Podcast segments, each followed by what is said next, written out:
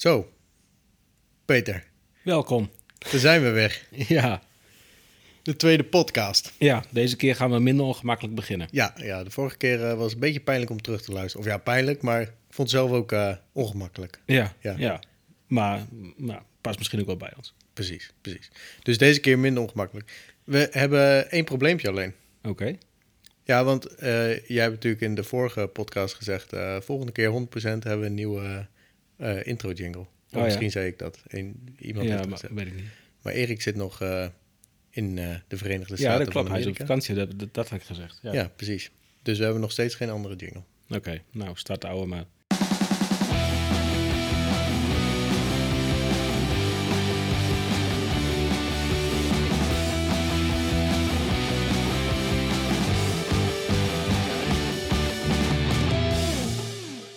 Super. Ehm, Ivo, wou je direct beginnen met het onderwerp of wil je even terugkijken naar de voorgaande podcast? Ehm jeetje.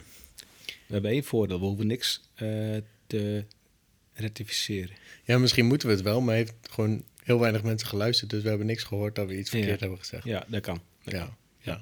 waarschijnlijk is dat het. Ja. Nou ja, ja, ik vond het wel, ehm, wel vet. Want we hebben natuurlijk wel met wat mensen gedeeld, Mhm. de podcast. En de, eh, iedereen is eigenlijk wel, of tenminste iedereen, ja, eigenlijk iedereen is wel enthousiast. Ja. Dus dat vind ik wel, eh, vind ik wel leuk. Ja, ja, is ook zo. Wat mij heel erg opvalt is dat er eigenlijk best heel weinig mensen nog steeds bekend zijn met, met het fenomeen eh, podcast. Ja, Ja. Dat hoor je wel vaker, maar als je dan zelf eentje gemaakt hebt, dan is het toch vaak, oh, wanneer zenden jullie uit? ja precies. Hm. Ja, ja. En op welke FM-frequentie komt dat dan? Ja, precies. Ja. Alright, slaan we die over? Ja. Of gaan we door eigenlijk? Ja, want het onderwerp voor deze week ehm, vonden we volgens mij allebei een beetje eh, een superleuk onderwerp, maar aan de andere kant ook wel een beetje een eh, lastiger onderwerp, omdat er niet eh, een, een, eindconclusie is misschien waar je naartoe werkt. Maar toch hadden we zoiets, hier moeten we het gewoon over hebben, want dit is wel iets, iets vets, zeg maar. Ja. En heel breed gezegd, maar onderbreek me vooral als het niet goed is. Maar willen we het eigenlijk hebben over hoe het hele leren aan het veranderen is. Voor individuen, maar ook binnen organisaties. Ehm, hoe dat dan precies aan het veranderen is. En wat dat allemaal voor implicaties heeft in de systemen en in het meten van dingen, het bijhouden van dingen. En hoe we daarmee om eh, moeten Ja. gaan of kunnen gaan. Ja, ja. Ja, waar we de vorige keer hebben gekeken naar de, eh, de nieuwe technieken, of in ieder geval de techreuzen in het onderwijs, willen we nou met name gaan kijken naar het educatiestuk, het leren eh, binnen de volwassen wereld, zeg maar. Ja, want eigenlijk als je kijkt naar wat er een beetje aan het gebeuren is, we hadden natuurlijk misschien heel even een beetje eh, eh, eh, terugpakken, of in ieder geval hoe we denken terug te pakken, is dat de focus lag er eerst een beetje op van laten we allemaal een leermanagement systeem hebben. Vanuit daar organiseren we het leren als, Hmm. als bedrijf, zeg maar. Ehm, en, en dat is voldoende. Ja. Daarmee gaat iedereen leren. Je ziet eigenlijk nu met het internet, dat klinkt echt super suf, maar het internet, dat mensen steeds meer zelf aan het opzoeken zijn en zo. Dus dat het niet meer kan om vanuit één leermanagement systeem het leren compleet te faciliteren of te organiseren of noem het maar op. Mhm. En dat is best wel een ding waar organisaties mee aan het worstelen zijn. Want ehm, ja, hoe ga je daar dan mee om? Hoe ga je dan nog mensen wel laten leren? En hoe weet je wat ze ergens anders leren? Ja, Ehm, ja, En daar gebeurt heel veel op. ja, Misschien is het wel goed dat we het een beetje in die stappen ook eh, even bespreken. Van wat is in welke stap aan het gebeuren? Eh, wat zijn de nieuwe dingen erin? Wat zien we daarin? En, en, en wat kunnen we daar eigenlijk mee? Want dat is denk ik uiteindelijk een beetje de vraag. Van, eh, eh, en wij zijn natuurlijk zelf ook mee bezig vanuit, eh, vanuit Hupper. Maar hoe ga je een, een, een systeem maken of bedenken? Of hoe ga je binnen een organisatie, want daar gaat het eigenlijk uiteindelijk om... een manier bedenken of vinden hoe je de individu op een meest prettige manier kan laten leren, zonder daar te veel grenzen aan te stellen, maar dat je Mhm. toch nog kan rapporteren of zien of, of volgen wat je wil. Zeg Ja. ja, ja. Ja, dat klopt wel, ja. Ik, denk eh, wel dat vanuit je LMS zie je ook eh de laatste jaren heel duidelijk de ontwikkeling dat eh, organisaties bezig zijn met die talent management, talent suite-achtige dingen. Nu noem ik ook een, een naam, maar... eh, ehm, en ik heb het idee dat dat ook een beetje zo'n doel voorbij schiet. Of eigenlijk haak staat op de ontwikkeling zoals mensen graag willen leren. En dan mensen moeten mij een beetje kwa- kwalificeren, denk ik, als millennials of zo. Ehm, want die, die organisaties eh, of die, die, die talentenprogramma's, die zitten juist heel erg op het vastleggen van, van het leren. Ja. Ja, over wat je nu net zei, over dat willen leren. Ehm, ik had een onderzoekje gelezen en ik, ik weet even niet, daarom zou ik even te kijken, maar ik weet niet uh, welke doelgroep dat precies was. Maar in ieder geval de uitkomst was dat 77 van de medewerkers zegt dat ze het liefste uh, zelf leren. Dus op hun mhm. eigen manier zelf zoeken en zo. En dat ze ook denken dat dat het meest effectief is. In plaats mhm. van dat het hun wordt voorgedragen wat ze moeten doen. Ja. Uh, en daarmee dat ze het meest succesvol kunnen zijn in hun vak. Um, en als je dan verder uh, vraagt wat ze hebben gedaan, zegt 69% daarvan: het eerste wat ik doe is gewoon googlen en lezen wat ik vind en daar leer ik van, zeg maar. Ja, ja, ja. Dus dat is best wel natuurlijk, en dat, klinkt misschien heel logisch, maar een heel sterk signaal dat mensen gewoon zelf willen zoeken en niet uh, zitten te wachten op dit moet jij gaan doen om, om te snappen hoe je je vak moet uitvoeren. Ja, ja, ja. Ik denk wel dat daar een parallel te trekken is met, ja, met de jongvolwassenen, laat ik het zo zeggen, de millennials. Ja, ja. ja. Daar heb ik laatst ook een onderzoek over gelezen. Uh, en daar zie je deze uh, karaktereigenschappen heel erg terug. Dus, dus veel meer dat microleren. Uh, daar staat tegenover dat ze ook een vrij korte aandachtspannen hebben. Mm en veel meer zelf op zoek willen gaan naar de content. Ja. ja. ja. Wat je vanuit daar natuurlijk wel dan als volgende vraag kan zien, is oké, maar dan je zou eerst zeggen dat je als werkgever je verplicht voelt om te faciliteren in uh, opleidingen. Dus ze mhm. zeggen, hier heb je een brokje kennis, ga maar aan de slag. Mhm. Nou, je ziet dan nu verschuiven, ook doordat er natuurlijk mega veel content en platformen en noem het maar eens uh, beschikbaar zijn voor jou als, als persoon. Dus dat je het lekker zelf wil doen. Maar hoe ga je dan nog als organisatie wel een rol daarin hebben, zeg maar? Moet je mhm. er überhaupt nog een rol in hebben? of, of, of moet je het misschien helemaal laten gaan? ik denk als je, maar dat is mijn glazen bolletje, zeg maar, dat je als organisatie puur het systeem nog maar faciliteert. Ehm, en het systeem is dan een systeem wat uit meerdere bronnen uh, content creëert. Mm wellicht ook een, een, vorm van machine learning, AI-achtige structuren erin heeft, die dus heel persoonlijk uh, content aanbiedt aan de, aan de gebruikers. En dat het daar dan wel een beetje mee ophoudt. En een onderdeel van zo'n machine learning of van zo'n AI is natuurlijk wel wat jij als werkgever verlangt. Ja.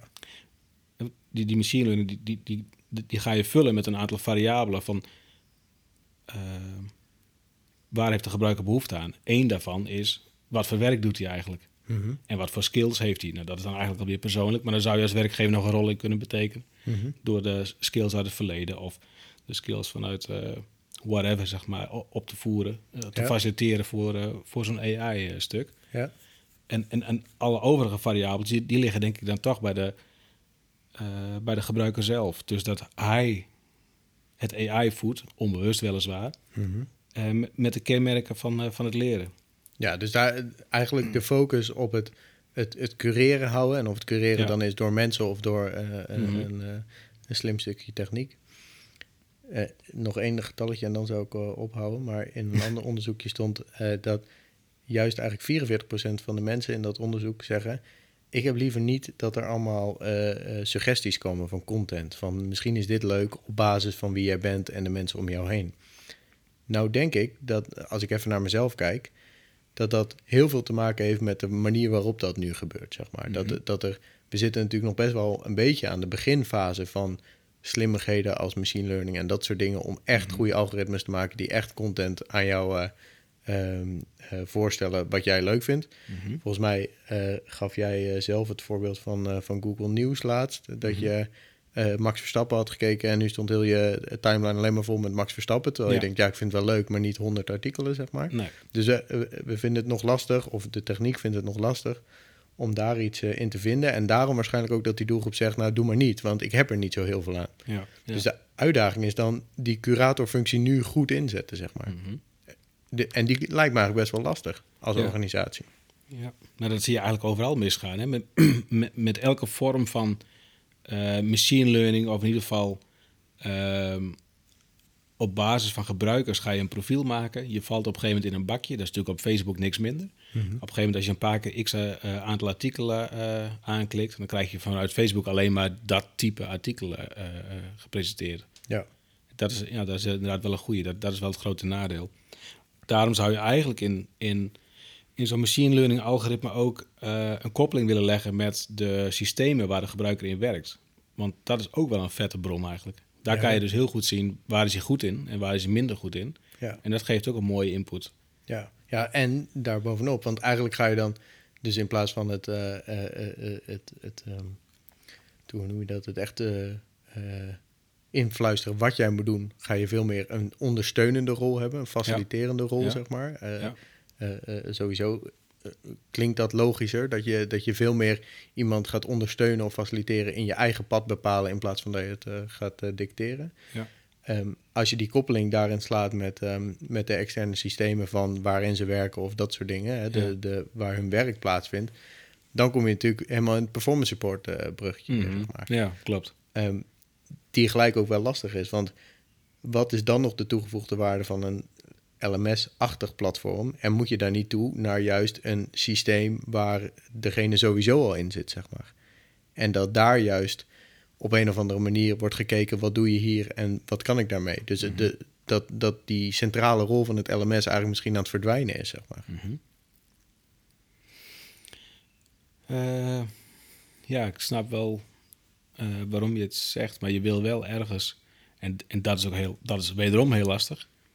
Je wil ergens wel vastleggen, hè, want daar hebben bedrijven gewoon behoefte aan. Ja, eh, vastleggen eh, eh, nu nog op een hele strakke manier. Je moet gewoon deze cursus er lopen en het liefst het examen met een goed resultaat afronden, want dan kan ik een vinkje zetten in een systeem, vaak een LMS. Mhm.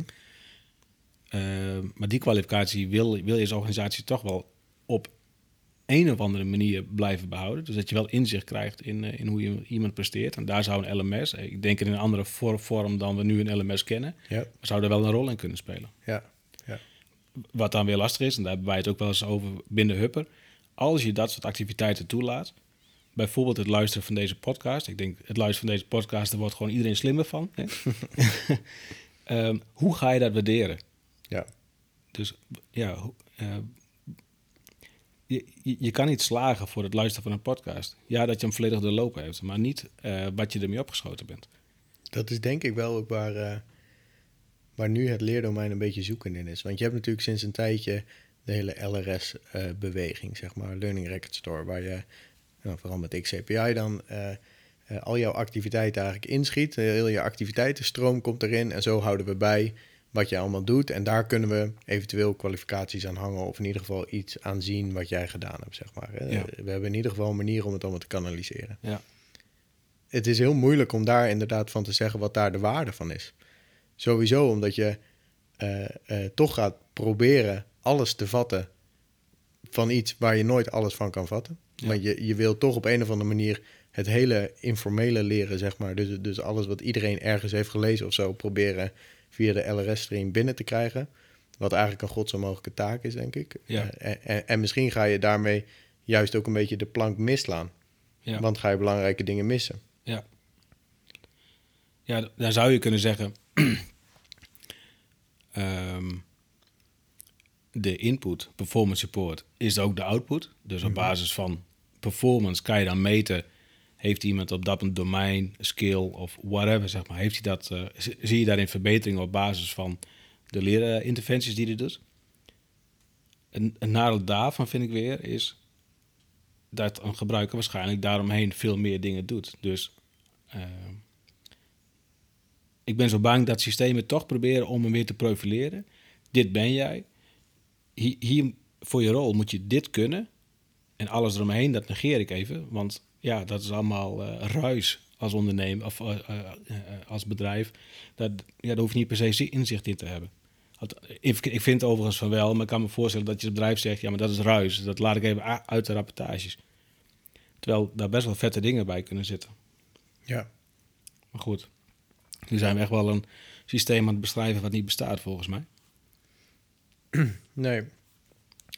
Nee, dat klopt. Want dat, ja, dat hele kwalificeren stuk, dat blijft gewoon, uh, dat blijft gewoon onwijs moeilijk. Ik denk ook dat het, uh, uh, het evalueren en kwalificeren door andere mensen om jou heen nog steeds een onwijs belangrijke factor hierin blijft. Want het is allemaal het feit dat jij een filmpje hebt gezien of een, uh, uh, een podcast hebt geluisterd of een artikel hebt gelezen, is superleuk. En ik kan me ook voorstellen dat het ergens echt wel goed is om, om dat soort dingen ook te verzamelen. Want je kan interesses kan je eruit gaan destilleren. En, en daarmee misschien de volgende stap weer om, om jou verder in dat vakgebied te specialiseren. Maar het, het wil niet per se iets zeggen over jouw niveau. Dan wel op kennis, dan wel op vaardigheden, zeg maar. Dat zal altijd of uit werk of uit uh, ervaringen van anderen die met jou daarin hebben gewerkt, zeg maar, moeten komen om daar iets zinnigs over te zeggen. Ja, maar je, je hebt natuurlijk wel variabelen op basis van de data die je in jouw werksystemen gooit.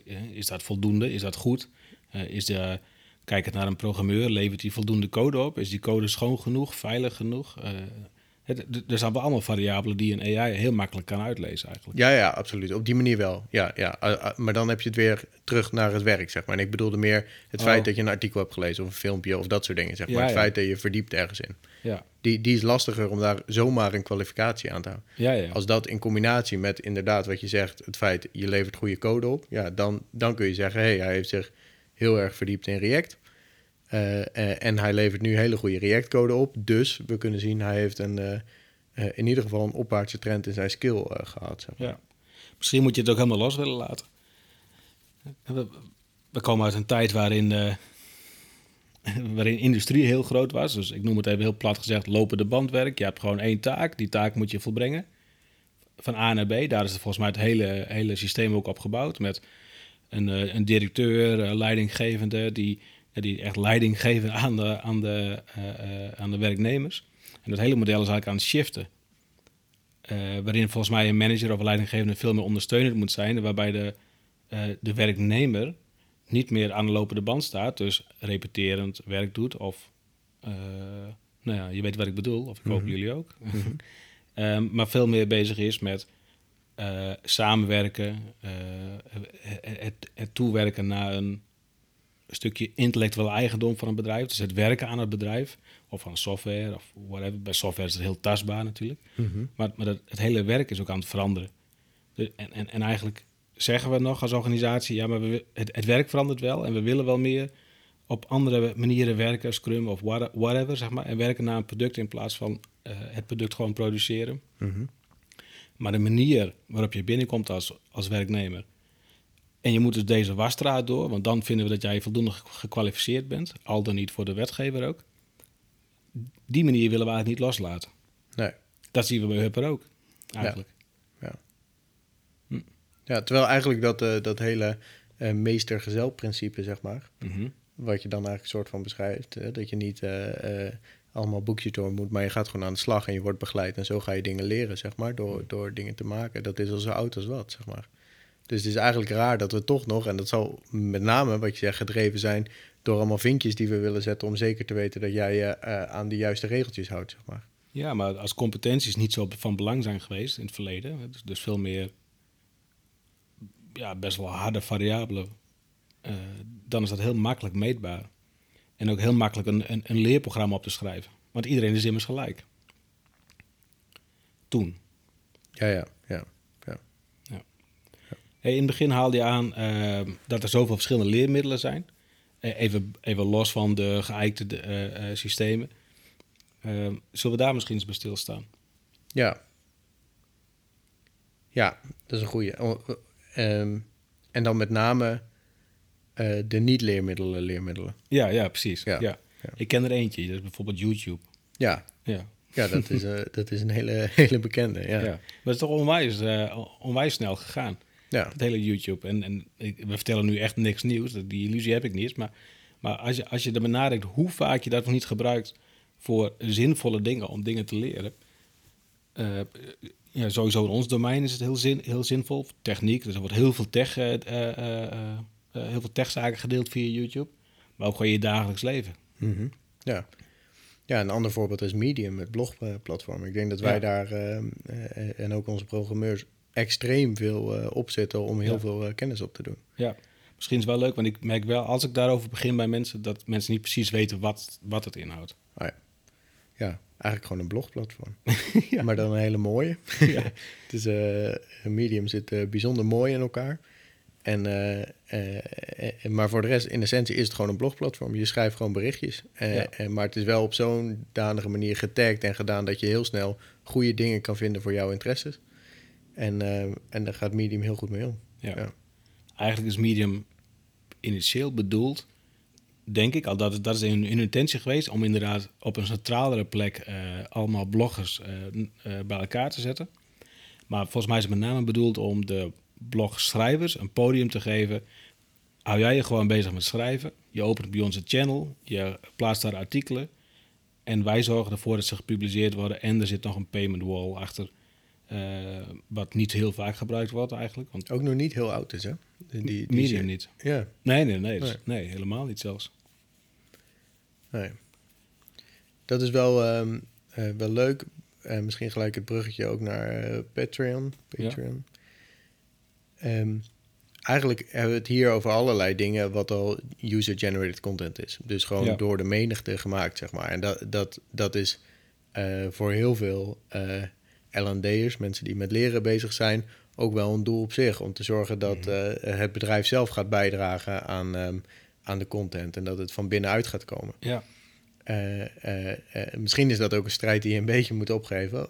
of misschien nog wel een deel moet faciliteren. Maar er, zijn al heel veel, er wordt al heel veel content gemaakt. Het probleem is niet meer de, de, de hoeveelheid content. nou ja de, en, en de ouderen onder ons zeggen vaak... ja, maar hoe weet je nou zeker dat als iemand een, een specialist... Hè, laten we, dat zijn, het zijn vaak specialisten die Ja. een blog schrijven... dat die specialist de waarheid vertelt. Ja. Maar dat is eigenlijk helemaal niet relevant. Nou, en, de- Ja, en er zijn heel veel mechanismes voor. Ja, sorry? Heel veel mechanismes voor. Hè? Ja, ja, de, de, de, klapjes eh, op, medium, zeg maar, waarin gewoon de menigte bepaalt: dit is een goed stuk. Ja, en vaak de comments eronder, die gaan ook helemaal crazy. eh. Ja, de highlights. Ook Ja. een vet iets. Ja. Ehm, dus eh, zo, zijn er wel allerlei dingen waar dat denk ik al een beetje in geregeld wordt. Maar heel even terug naar Patreon. Ja. Dat is een, een, een platform, om dat ook heel even uit te leggen, waar je eigenlijk als maker, eh, dus je kan gewoon zeggen ik ben een maker van iets. Eh kan zijn een podcast, kan zijn een, een YouTube kanaal. En dat je mooie foto's maakt, mooie berichtjes schrijft, noem het maar op. Ja. En dat mensen jou gewoon kunnen sponsoren. Dus zij zorgen er eigenlijk voor dat je op een hele makkelijke manier... dat mensen gewoon kunnen zeggen... jij krijgt van mij elke maand een euro... of eenmalig 10 euro of dat. En dat gebruik jij dan om eh, te doen wat jij zegt dat je gaat doen. Ja. Ehm, en dat is wel iets heel vets. Hey, je hebt natuurlijk eh, eh, bij YouTube had je al monetizen... dus dat mensen door middel van advertenties geld konden verdienen... Nou, het is best wel een hele duidelijke beweging dat advertenties er steeds meer afgaan Ja. op het hele internet. Want iedereen vindt ze heel irritant. Ehm, eh, eh, en het internet wordt in die zin steeds mooier. En mensen zijn bereid om te gaan betalen voor content. Eh, Netflix, Spotify, noem het maar op, zeg maar. En daar speelt eh, Patreon wel heel erg mooi eh, op in. En dat zorgt ervoor dat je steeds meer betere content krijgt. En dat is best wel vet eigenlijk, dat dat aan het gebeuren is. Ja, en, en dat zie je ook heel duidelijk bij Patreon. Hè? Dat als iemand een thema pakt, pakt hij echt dat thema. Dat is behoorlijk niche. Ja, Dat is echt extreem niche. En, en als het dezelfde interesse, als je dezelfde interesse of dezelfde hobby hebt, want je ziet heel veel dingen voorbij komen. Soms zijn het gewoon kunstprojecten die je kan sponsoren. Maar je hebt maar heel weinig. Ik heb ooit eens een keer, dat is echt lang geleden, dus misschien kloppen mijn cijfers niet. Maar ik heb ooit eens begrepen dat als jij, eh, ik dacht iets van eh twee, twee tot 400 eh, mensen hebt die jou ondersteunen via Patreon, dan, heb, dan, dan is er al een, een, een- dan heb je al bestaansrecht, zeg maar. Dus dan, dan heb je al voldoende inkomen om daarvan rond te komen. Hm. Dus dat is echt onwijs eh, weinig eigenlijk. ja, dat is heel goed te doen, ja. Ja, Ja. Ja. En veel podcasts worden gesubsidieerd via Patreon. ja dat klopt, ja. En Ja, zou je een bruggetje kunnen maken die we niet gaan doen. Dat wij, eh, wij gaan die weg niet op nog. Nee, nee, nee, wij doen het eh, meer voor de lol even. Ja. Dus op heel veel vlakken wordt er heel veel mooie content gemaakt. Ja. Nou, we hadden het daarvoor even over de functie van een eh, LMS-systeem, hoe dat een beetje aan het veranderen is.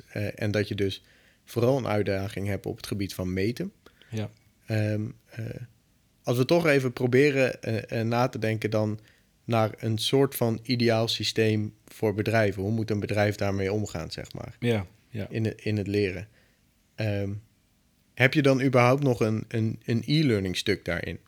Of zeg je eigenlijk, nee, dat, dat, dat lijkt me helemaal niet meer nodig, want eh, mensen gaan wel ergens anders leren en ik wil puur weten of jij het kan en een meetinstrument hebben, maar het echte aanbieden van eigen content, dat is overbodig. Mhm.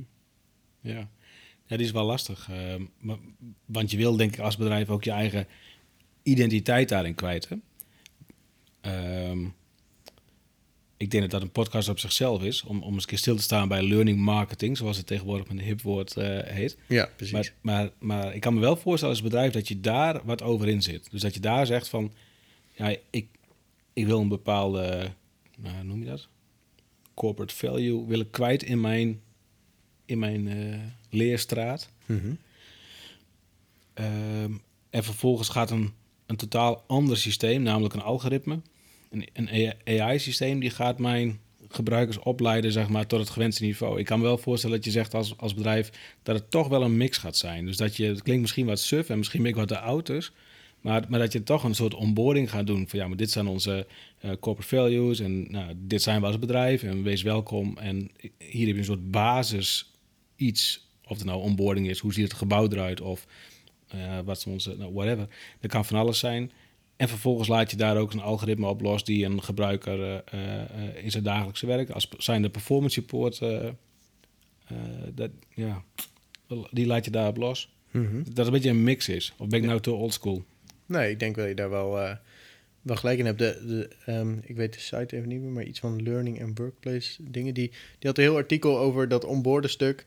Dat dat dus misschien niet meer in een eh, e-learning-achtige omgeving of in een custom Mhm. made, wat vaak is, of nou, een, een tooltje. Maar dat je juist eh, gewoon je, je eh, corporate Slack-kanaal daarvoor moet inzetten. En dat is Ah, de ja. hele gedachtegang over hoe je dat dan zou moeten doen. En zo, sowieso dat Slack een heel belangrijk ding kan zijn in, in leren. Slack is een chat tool. Eh, een, een hele makkelijke chat tool die heel makkelijk Ja, uit te breiden is met allemaal slimme botjes en dat soort zaken. Ja, eigenlijk is, eigenlijk is het een tool die onder de programmeurs heel groot is geworden. Ja, ja, Eh, en met name de, de, de functie, denk ik, dat je er heel makkelijk zelf botjes op kan schroeven en sleutelen en, en verbouwen. ja. En ook, ja, maar goed, genoeg daar. Ja, ja nee, maar absoluut. Echt Ja, dat dat maakt het heel handig. Ja. Ehm, en hij is eh, in potentie een hele mooie brug, denk ik, tussen eh, toch een soort van leersysteem en het werkende. Ja. Eh, Ja. En daarmee performance support. Want stel dat je een manier hebt om eh, een bedrijf dat Slack gebruikt en heel intensief gebruikt, om daar Slack te gebruiken richting het leersysteem en daar weer dingen uit te destilleren, zeg maar, wat handig kan zijn voor die personen op basis van wat er gebeurt in Slack. Want dat is eigenlijk waar het werk eh, samenkomt. Hè, want daar bespreken mensen wat ze aan het doen zijn, welke projecten, waar ze tegenaan lopen, allerlei dat soort dingen. Dat, dat vindt allemaal daar plaats. ja. Dus als je een of ander slim botje daarin kan maken, wat de slag maakt, zeg maar de brug maakt met, met leren, ja, dan Mhm. heb je iets heel vets. Ja, ja. Dit is echt eh, puur toeval en daarmee eh, eh, wil ik je verhaal niet onderuit halen, maar ik las vandaag toevallig een artikel Ja. waarin het ook ging over, eh, over Slack. Dat was, ging iets breder. Dat was mail. hè. De Vroeger zaten, of nu tegenwoordig zitten mensen 30 tot 35 procent eh, per dag met hun, zijn ze met hun mail bezig. Mhm. Maar als je dan alle communicatiemiddelen erbij haalt, of het dan Slack is of Microsoft Teams, Facebook, eh, weet ik niet eens hoe dat heet, Facebook Workplace of zo. Gebruikt niemand. Nee, nee, klopt. maar goed, ik denk, ik noem even een rijtje. Weet je. Ja. Maar als je er allemaal bij elkaar optelt, dan ben je dus bijna tussen de 60 en de 70 procent van je dag... ben je alleen al op dat soort kanalen aan het communiceren. Ja. En dat er nu juist een stroming is weer... die daar weer voor gaat staan. Die gaat zeggen, oké, maar dit zijn standaard dingen... Daar, eh, die ga ik eruit filteren. Dus ik zorg ervoor dat mijn gebruiker... eh, ik weet gewoon voor hem, ook weer AI natuurlijk. Ik Mhm. weet gewoon voor hem, dit vindt hij niet interessant. Of ik weet voor hem, dit vindt hij wel interessant, maar die parkeer ik nu even. Eh, of ik ga automatisch antwoorden. Ja. Maar goed. Ja, nee, maar ik denk, ik denk dat dat ook zeker zo is. Alleen vandaag zie je bijvoorbeeld ook bij ons op kantoor dat dan eh, een hele dag eh, zeg Ja. maar een gesprek is tussen een van onze programmeurs Ja, ja. en een eh, programmeur die niet bij ons op kantoor zit. Ja, En dat is puur kennisoverdracht Ja, wat daar gebeurt. De hele dag door. ja. En, en dat is natuurlijk wel erg vet als je daar iets mee kan. ja. Het ging wel een beetje te eigenlijk. Ik heb het geluid op een gegeven moment even uitgezet. Ja, ja, ja. ja. Duurde wel ook lang. Ja, al die meldingen. Ja, ja precies. Nee, maar je helemaal eens. Dat, ja, dat was puur eh, eh, kennisoverdracht. Ja, Ja, Ja. super. ja. En dan heb je dus het, eh, eh, een curatorstuk, wat misschien ook nog wel door de mensen zelf gebeurt. Hè, Door Mhm. de, de, de L&D'er zelf. Want Ja. zoals je net ook aangaf, je wil toch misschien iets van je corporate values of dat soort dingen. Dus je wil zelf ook bepalen. We willen in ieder geval deze bak content willen we aanbieden, zeg maar, aan, eh, aan mijn medewerkers, waar ze iets mee kunnen. Ja. Kan ook daadwerkelijk content zijn van een andere aanbieder of van jezelf, waarvan je denkt, dit heeft toegevoegde waarde eh, voor, eh, voor onze mensen. En je hebt een heel verplicht stuk, wat je Ja. natuurlijk eh, houdt. Eigenlijk moeten we daar maar eens mee beginnen. Hè? Hoe we als bedrijf, zeg maar, onze eigen content gaan presenteren. Ja. Dat, want, want dat lees je ook wel veel bij die millennials. Dat ze willen samenwerken, ze willen kunnen communiceren. Social learning, daar gaan we zeker een keer een podcast over, over voeren. Maar ook gewoon vers- verschillende types van content. Dus je hebt één leerdoel, maar dat, wel, dat die in, verschillende verschijningsvormen gepresenteerd wordt. Of je kiest nu voor een filmpje, of je kiest voor een, eh, een stukje tekst of whatever, zeg maar. Maar dat daar al meer variatie, dat, ja, als dat niet, niet binnen nu in een paar jaar eh, gebeurt, dan, dan is het wel een beetje, dan zou het wel heel jammer zijn, laat ik het zo zeggen. Ja, ja, en dan raak je ze helemaal kwijt. Ja, ja, dus ja. dan de, de, de vlakken waar jij als bedrijf expert op bent en waar je zeker van wil weten dat ze jouw content volgen, als dat zo saai is, ja, dan, dan, dan gaan mensen daar niks mee doen. Nee. Nee, nee dat, dat, is inderdaad, eh, dat is inderdaad een goede. Ja, ja en de, de, de vinkjescultuur in die zin zal ook voor een deel gewoon blijven. Omdat we ook heel veel regels hebben waar je aan moet voldoen, zeg Mhm. maar. Dus dat blijft natuurlijk ook gewoon een belangrijke rol van het, eh, het LMS of hoe je het wil noemen. Dat ze gewoon toch die compliance kant willen houden.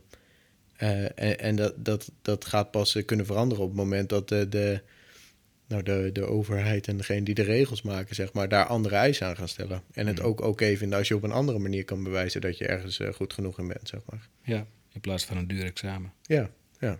Hm. ja. Als we dan toch kijken, even los van de wetgever, maar de dingen wat je wil doen en hoe dat nu wordt opgelost, zeg maar, door een Learning Record Store in te richten, waar eh, in- nou, het doel is dat alles wat jij vrijwillig doet, dat het toch op een of andere manier eh, via XAPI wordt ingeschoten en eh, kan Ja. worden verzameld. Ja. Wat, wat vind jij daarvan? Eh, ik- want ik, eh, om toch eerst even zelf Ja, te ja. beginnen, ik vind hem erg lastig. Eh, Mhm. ik, ik heb het gevoel dat je daar iets probeert te doen wat bijna niet haalbaar is. Eh, eh, wat je eh, gaat verzamelen, dat het misschien ook wel eh, niet zo hard kwalificeerbaar is als dat ze misschien af en toe doen. Mhm. Ehm, eh, en daarmee vraag ik me af, is Learning Record Store wel iets wat, ehm, wat, wat echt een, een heel belangrijk deel gaat verrijken of eh, vervangen, zeg maar, van de manier hoe wij met leren omgaan in een bedrijfsomgeving? Mhm. Ja. Ja, ik denk dat het, het is een middel, misschien die in die tussenfase zit. Dus we willen als organisatie inzicht krijgen en we willen als jongvolwassenen willen we op, verschillende manieren gaan leren. Wij, wij regelen zelf onze content wel. En daar kan het wel een, ja, daar is het een verzamelbak van. Eh, even los van de, van de meeste technische invullingen die ik daarvan zie, die, daar ben ik nog niet kapot van. Hè. Dan moet je een extensie eh, installeren op je browser. En als je dan zegt, ik heb dit filmpje gezien en die ga ik nu via een extensie in mijn browser toevoegen aan mijn LRS, vind ik een paar kliks te veel. Ja, Andere kant zou zijn, eh, ik ga gewoon een filmpje kijken en die gaat automatisch naar mijn Learning Record Store. Dan is weer de vraag, hey, van wie is de data? ja precies. en wie ja. kan het allemaal inzien? Ja. Dus het, het is een onwijs la- eh, lastig vraagstuk. En juist vanuit die complexiteit vind ik hem, ben ik het wel met je eens dat ik me ook afvraag of, of dit het gaat zijn. Ja. Of dat je niet gewoon, eigenlijk wat we in het begin van het gesprek zeiden, dat je een systeem moet hebben. Ik geloof wel heel erg in het, in het AI eh, eh, eh, leren, zeg maar. Of tenminste dat hij jouw leerstroom kan bepalen. En dat Ja, is niet omdat het nu heel hip is, maar het is gewoon echt wel heel vet dat dat zo gecureerd wordt. Want menselijk cureren, daar geloof ik eigenlijk ook niet in. Althans, ja, wel op, op kwalitatief goede content, dat, dat je daar als mens kwalificatie aan kan geven. Dat je die erin kan proppen als zijnde. Als Waarom zou je dat eigenlijk doen? Want, het, want de massa bepaalt trouwens of iets goed is of niet goed is.